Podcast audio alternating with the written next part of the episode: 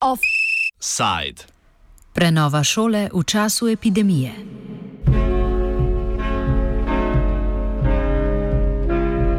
V današnjem offsajdu se selimo v nove fužine v upravno enoto Moste Polje. Pozornost bomo namenili dejstvu, da je danes 31. august, za mnoge otroke dan pred prvim stikom s šolo. Poleg vseh protikoronskih ukrepov, ki jih je trenutna vlada sprejela, se bodo učenci osnovne šole Nove Fužine spoprijemali tudi s premembo lokacije šolanja, saj se prenavlja celotna šolska zgradba. Izvajajo se rušitvena dela, elektroinštalacije, izkop in predelava temeljev za dvigalo in podobno. Celotna obnova bo stala 6,3 milijona evrov in bo zaključena do decembra. Torej se bodo učenci na osnovni šoli Nove Fužine ne le socialno distancirali, ampak tudi začasno zamenjali stavbo, v kateri pouk poteka. Uprava šole je to rešila tako, da bo za vsak razred posebej enkrat dnevno peljal avtobus z postaje, ki je v bližini osnovne šole Nove Fužine, do šole, v katero so bili učenci dodeljeni. Če bodo učenci zamudili svoj avtobus, na drugega ne bodo smeli. Na novinarski konferenci konec prejšnjega tedna se je te tematike dotaknila Marija Fabčič, vodja oddelka za predšolsko vzgojo in izobraževanje na mestni občini Ljubljana. Za vsa gostovanja, razen za osnovno šolo Martina Karpana, bo organiziran avtobus, vstopna in izstopna točka bo na matični osnovni šoli, tako da starši tja pripeljajo otroke.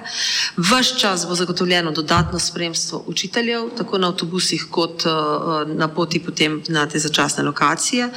Poskrbljeno bo za šolsko prehrano uh, in seveda vsi ti prostori, za katere smo se dogovorili in uh, preko poletja tudi nekatere tudi deloma preuredili bodo v izključni rabi gostujočih osnovnih šol.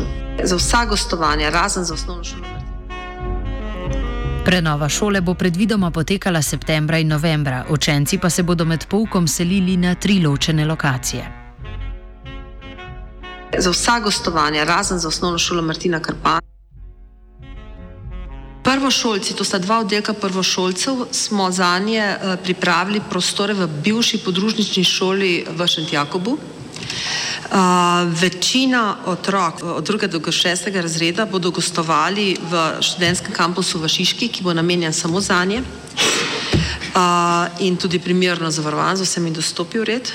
Uh, učenci zadnje trijade, sedmi, osmi, deveti razred, bodo pa gostovali na Aškrčevi v eh, srednješolskem centru. Tako da, kot rečeno že prej, za vsa gostovanja, razen za osnovno šolo Martina Karpana, bo organiziran avtobus, vstopna in izstopna točka bo na matični osnovni šoli, tako da starši tja pripeljajo otroke. Ves čas bo zagotovljeno dodatno spremstvo učiteljev, tako na avtobusih kot uh, na poti potem na te začasne lokacije. Na srečo učencev bodo ti pri pouku sodelovali z že poznanimi učitelji iz domače šole, bodo pa imeli urnike in pravila, ki so specifični glede na lokacijo. Učitelji, ki spadajo v rizično skupino, delo lahko odklonijo in dobijo plačan bolniški dopust. Takrat, ko je bila razglašena epidemija više stopnje, ki je bila kužnost večja, ima pa vsak tak človek pravico zahtevati, seveda po 60. letu, da ostane doma, lahko tudi mlajši, če so zdravstveno ogroženi. Kako bo nošnja mask potekala v šolah, nadaljuje Marjan Gorup, ravnatelj osnovne šole Prežihov Voranc. V oddelkih, no, že sem zelo natančen, ker to ljudje zdaj mešamo razred, je lahko sestavljen iz več oddelkov.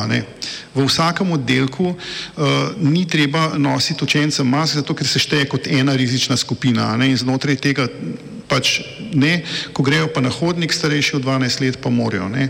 Za učitelje velja pa načelo, da nosijo po, tudi po vseh javnih mestih šole masko, v razredu pa, če se mešajo med učenci, hodijo z masko, če si zagotovijo meter pa pol do dva metra razdalje od učencev, ko izvajajo pouk, potem jim maske ni treba imeti na obrazu. To je pač iz teh navodil NJZ. Eh, za učitelje so maske zelo moteče, ne zato, da se ne bi želeli zaščitno obnašati, ampak kot ste sami videli, tudi tukaj nastopajoče, so imeli maske gor, da je eh, slišnost slabša skozi masko, da gestikulacije ni več, da poudarkov ni toliko, eh, da imamo slabši zrak. Eh, včasih se primerjamo s kirurgi, ne? oni so pretežno tih pa delajo. Ne? Govorec kar naprej govori in velik diha in izdihuje zraka in je to težko. Jaz se strinjam, da je prav, da tak predpis je, ampak eh, pri pouku, če se le da, se izogibamo nošenju mask in mislim, da je razdalja dva metra dovolj varna glede na ostale predpise oziroma na, na ostale dogajanja v družbi, recimo druženja zdaj do množic po ulicah. Naj vas torej postavimo v čevlje povprečnega učenca, ki bo to doživljal. Predstavljajte si, stari ste deset let, hodite v peti razred. Ne veste zares, kaj se dogaja okoli vas, veste pa, da kroži nekakšna bolezen.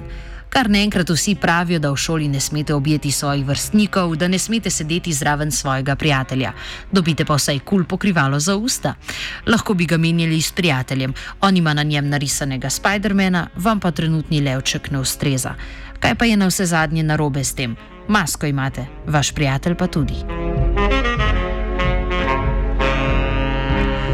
Medtem ko nekateri mladi ne bodo imeli težav ne z distanciranjem, ne s premembo lokacije, to ne velja za vse.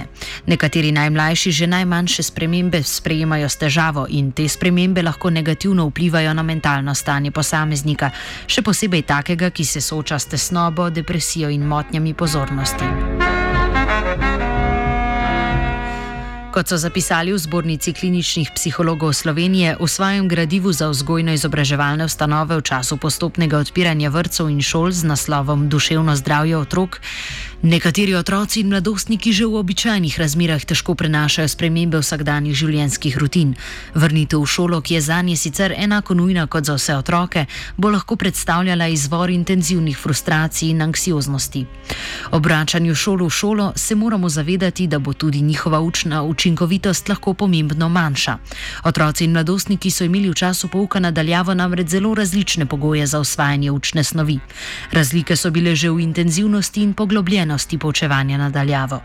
Nekaterim so starši lahko pomagali pri razlagi učne snovi in so bdeli nad tem, da je otrok sproti opravljal naloge in obveznosti, drugim starši kljub želji in trudu niso mogli zagotavljati ustrezne učne pomoči, tretji pa so bili prepuščeni sami sebi, tudi nedostopni učitelji oziroma podpori šole. V nekaterih družinah so drugi vidiki spoprijemanja s krizo prevladali nad šolskim delom.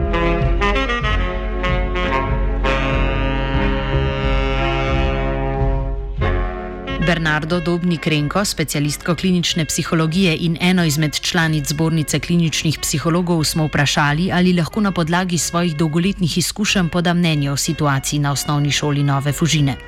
Ker na snemanje ni pristala, citiramo: Vračanje v šolo po počitnicah za večino otrok poteka brez večjih težav in večina otrok se tega veseli. Nekateri otroci in mladostniki pa že v običajnih razmerah težko prenašajo spremembe vsakdanjih življenjskih rutin. Vrnitev v šolo, kjer se zaradi omejevalnih ukrepov ne morejo gibati in družiti povsem sproščeno, bo lahko predstavljala izvor frustracij in anksioznosti. Tudi njihova učna učinkovitost bo lahko pomembno manjša. Sprememba lokacije šole predstavlja dodatno spremembo, ki posega ustaljene rutine in že razvit občutek varnosti v poznanem okolju matične šole. Neugodno v tem primeru je, da se pojavlja več sprememb hkrati, kar lahko pri nekaterih bolj ranljivih otrocih povzroči težave s prilagajanjem. Konec citata. Osnovna šola Nove Fužine je sicer trenutno deležna najbolj obsežne obnove v Ljubljani, a ni edina šola, v kateri bodo otroci razseljeni. Obnavljajo namreč tudi drugo šolo na Fužinah, osnovno šolo Martina Krpana, kjer gradijo prizidek. Pouk na nadomestni lokaciji v prostorih četrtne skupnosti Fužine pa bo imel le del otrok in sicer do aprila.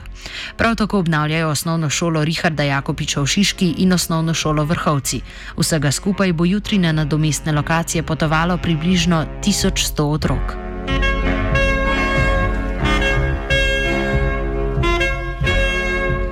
Današnji offside sta spisala samo C in Gal.